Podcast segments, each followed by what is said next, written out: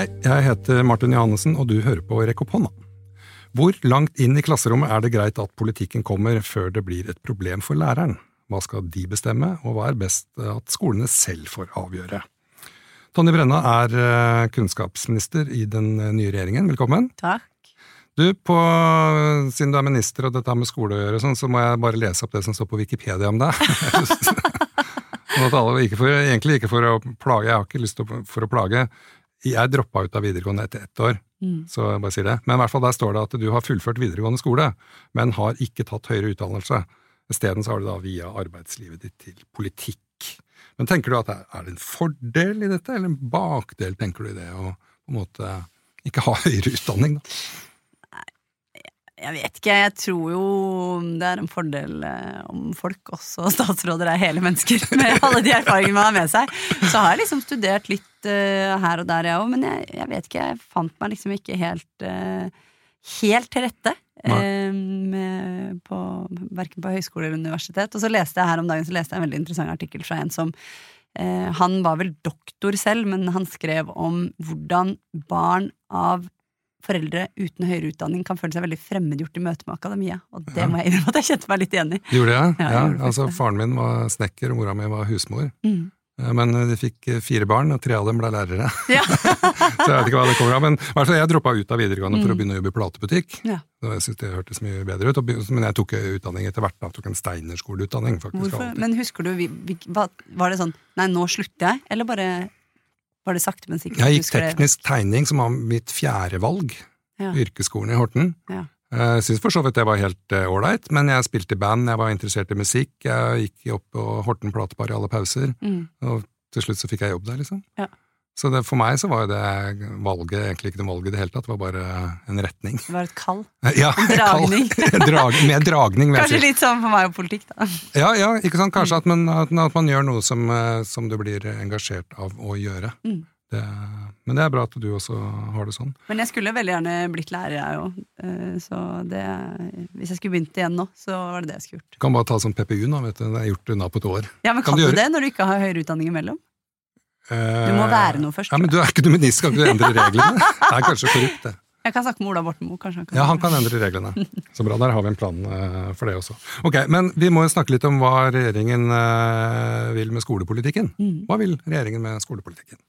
Målet er jo å ha en skole der alle unger kan lykkes, uansett hva de kommer inn med, og ha med seg i ranselen på første skoledag. Og det tror jeg eh, utfordrer oss på flere ting. For det første på å gjøre skolen så fleksibel og tilpassa at både den som foretrekker å sitte stille og lese fra første klasse, kan gjøre det, og den som eh, har lyst til å hoppe, danse og ta på ting og bruke ting for å forstå sammenhengene, kan gjøre det gjennom hele skoleløpet. Og så tror jeg det fordrer en del eh, ting som det kanskje er for lite av i dag for lærerne, eksempel tid.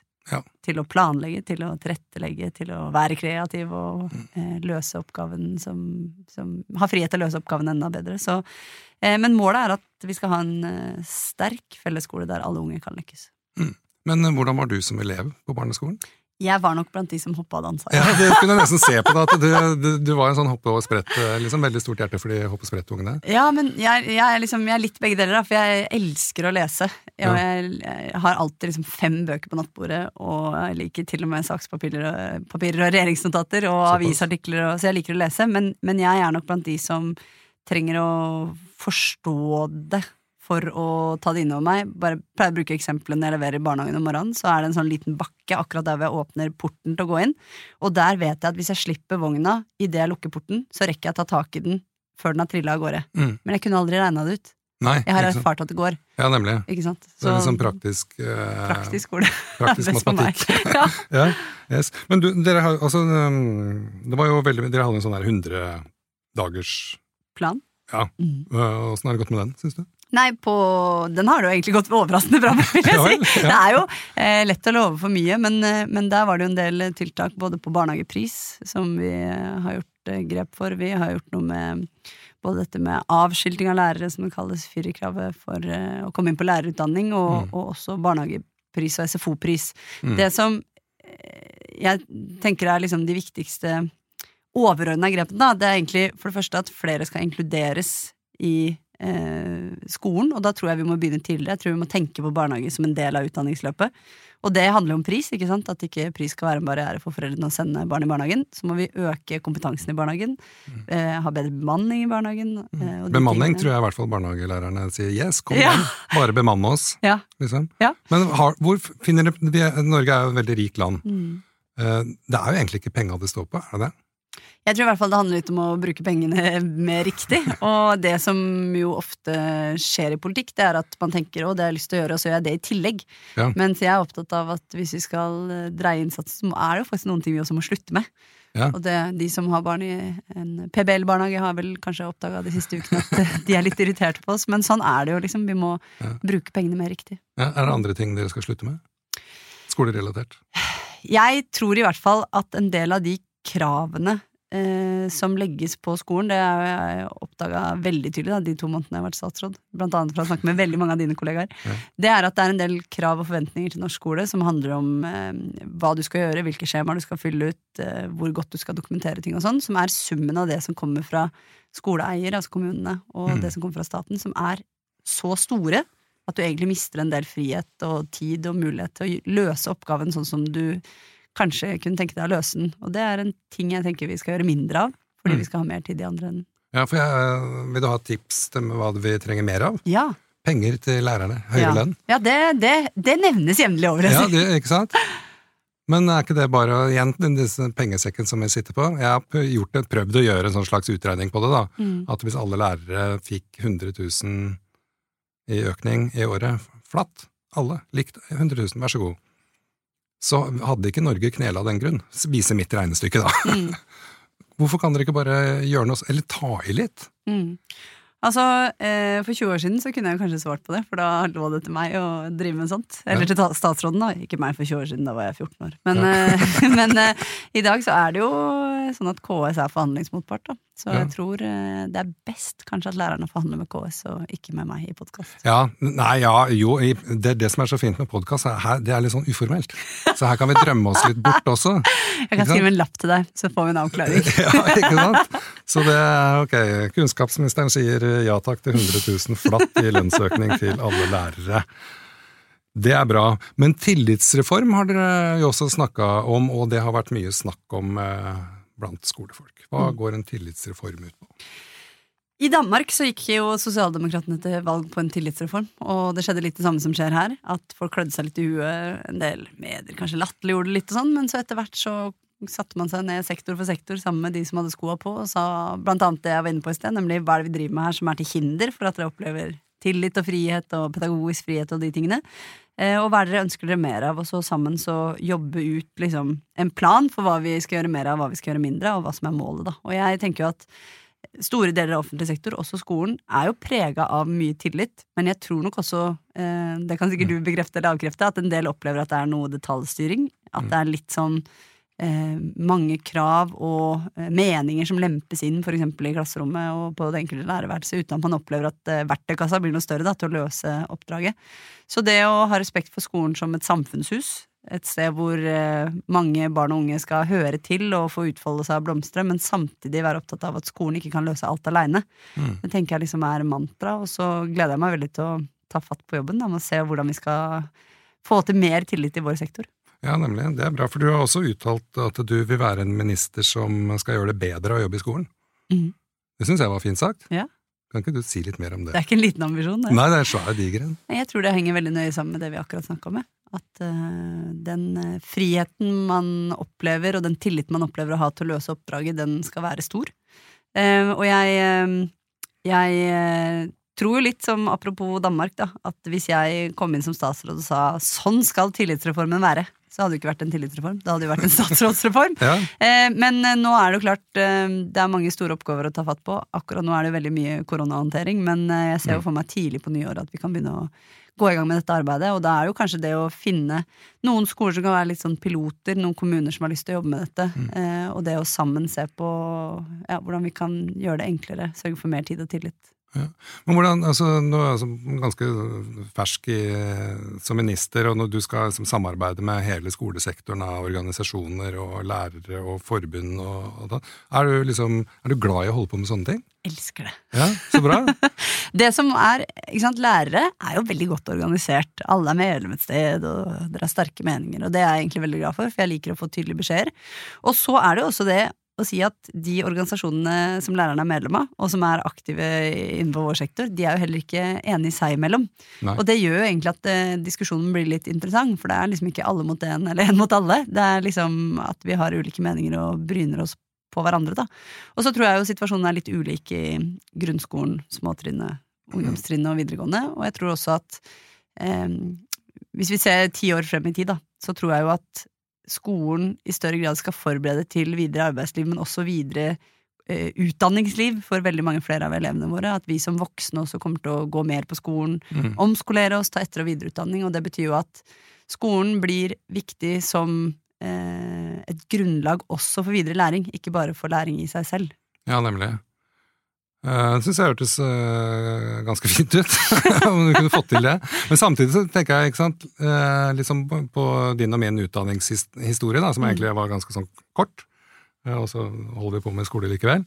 Men det at Tror du det kan føles som et sånt press da, for liksom den oppvoksende slekt at man skal liksom forvente at du skal ha en universitetsutdannelse eller en, en slags akademisk grad? Det tror jeg. Og så tror jeg også at eh, forventningen om at neste generasjon skal gjøre det bedre enn den forrige, den er ganske krevende for de som er litt yngre enn oss. Ja.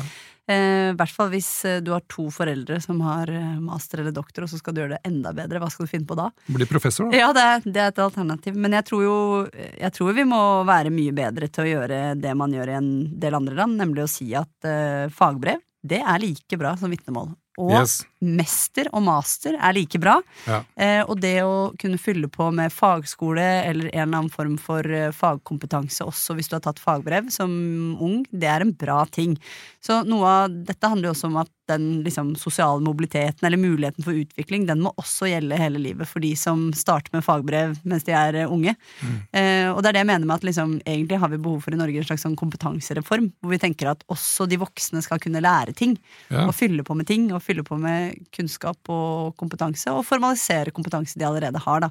Og da tror jeg jo, hvis vi skal lykkes med det, at det må være noe som arbeidsgiverne er interessert i, det må være noe som staten er interessert i, og, og også arbeidstakerne er interessert i, og så må vi få dette til å virke sammen, da. Og det er jo en svær jobb, men jeg er fullt Jeg er helt sikker på at det lar seg gjøre, hvis vi Ja. finner et format som gjør at alle ser at de har nytte av det. Ok, men Da tar vi først eh, tillitsreformen og den lønnsøkninga til lærerne som du har lova oss, og så tar vi den kompetansereformen etterpå. Er det gangen i det, tenker du? I hvert fall dette med tillitsreform skal vi gripe tidlig fatt i, og så tenker jeg at det er mye annet gøy å jobbe med. Ja, det er det. Men det er mye annet som ikke er så gøy også. Mm. Og det er jo sånn at den 22. juli 2011, da var vel du eh, 23 år, generalsekretær i AUF, og befant deg på Utøya. Mm. Jeg kan ikke forestille meg hvordan det var. I det hele tatt. Nei. Du har skrevet en bok om det, eh, 22. juli og alle dagene etterpå, som har fått eh, ganske god omtale. Mm.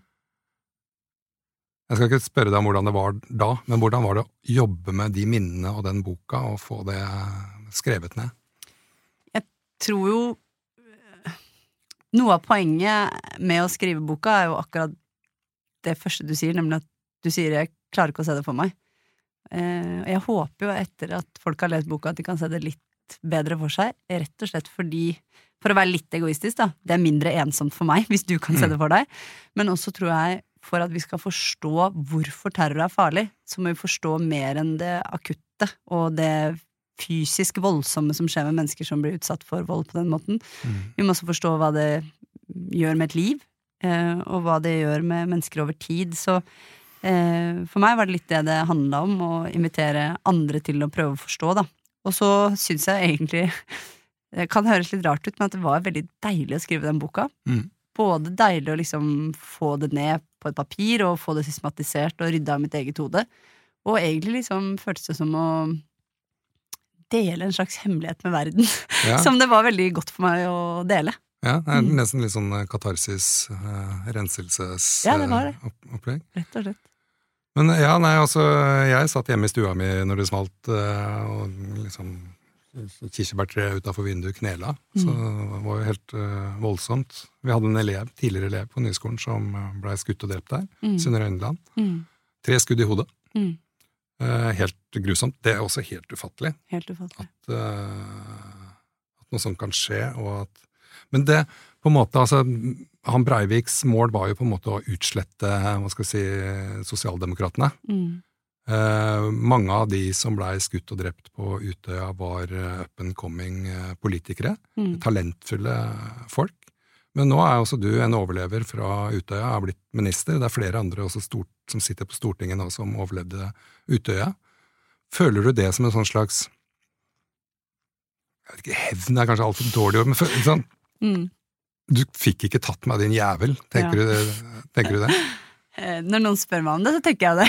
Men jeg, vil ikke si liksom at eh, min motivasjon hver morgen er en finger i øyet på eh, gjerningsmannen, det vil jeg ikke si. Men jeg, men jeg tror liksom at når jeg tenker over de siste ti årene og fram til i dag, da, så, så føles det kanskje at, at jeg og Jan Christian Vestre, som er næringsminister, og også flere av de andre som jobber i regjeringsapparatet og nå sitter på Stortinget, at vi eh, er liksom symboler på at det er mulig. Mm. Og jeg blir jo veldig rørt av de andre. Jeg ser Ja. på de andre og tenker tenk, du overlevde, og nå er du her. Ja. Eh, men jeg blir jo litt overraska når noen blir rørt av meg. Så, Ja, men tror, jeg tror det er mange som blir rørt av det. det er, jeg tror det er vanskelig å ikke bli rørt av det. Nesten umulig. men eh, sånn som Jeg kjenner jo moren til Synne godt. Ja. Eh, og jeg syns jo det er noe av det sterkeste å treffe henne. Mm. Og at hun blir rørt av at vi orker.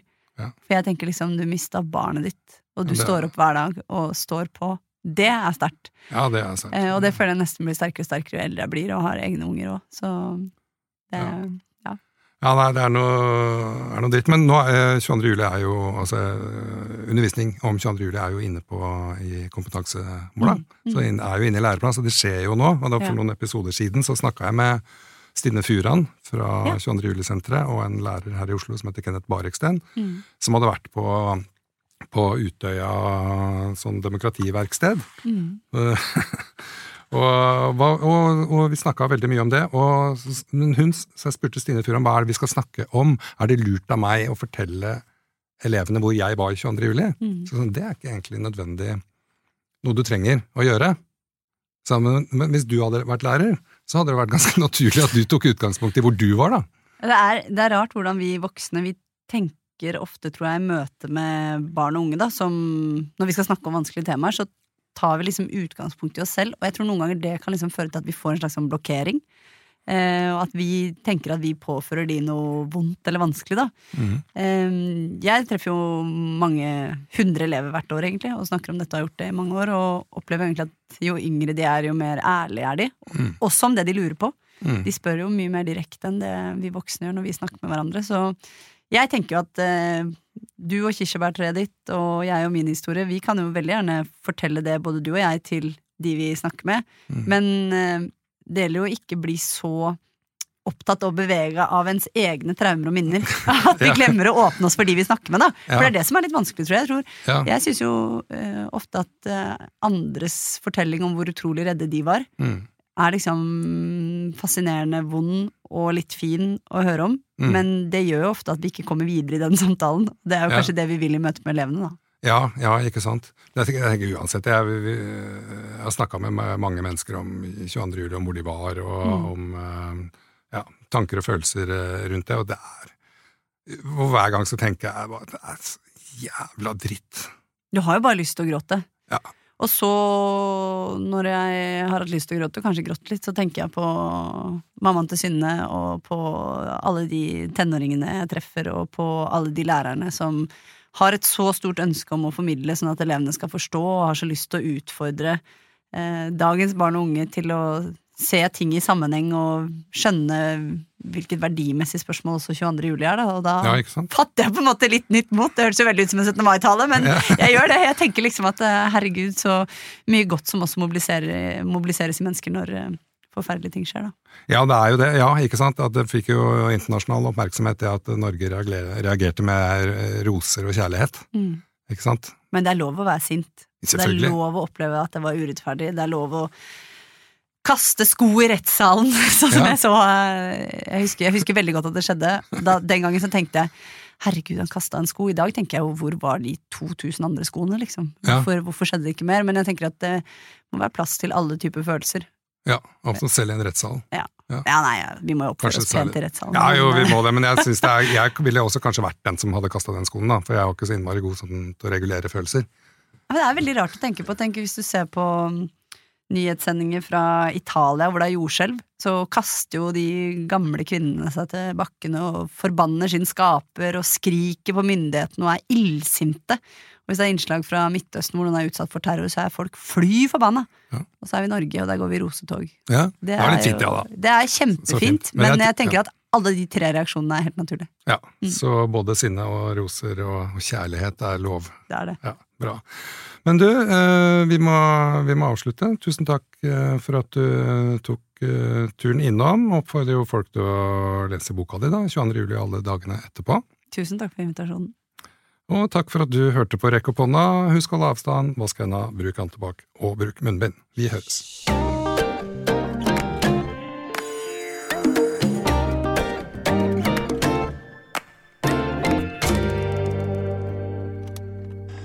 Produsert av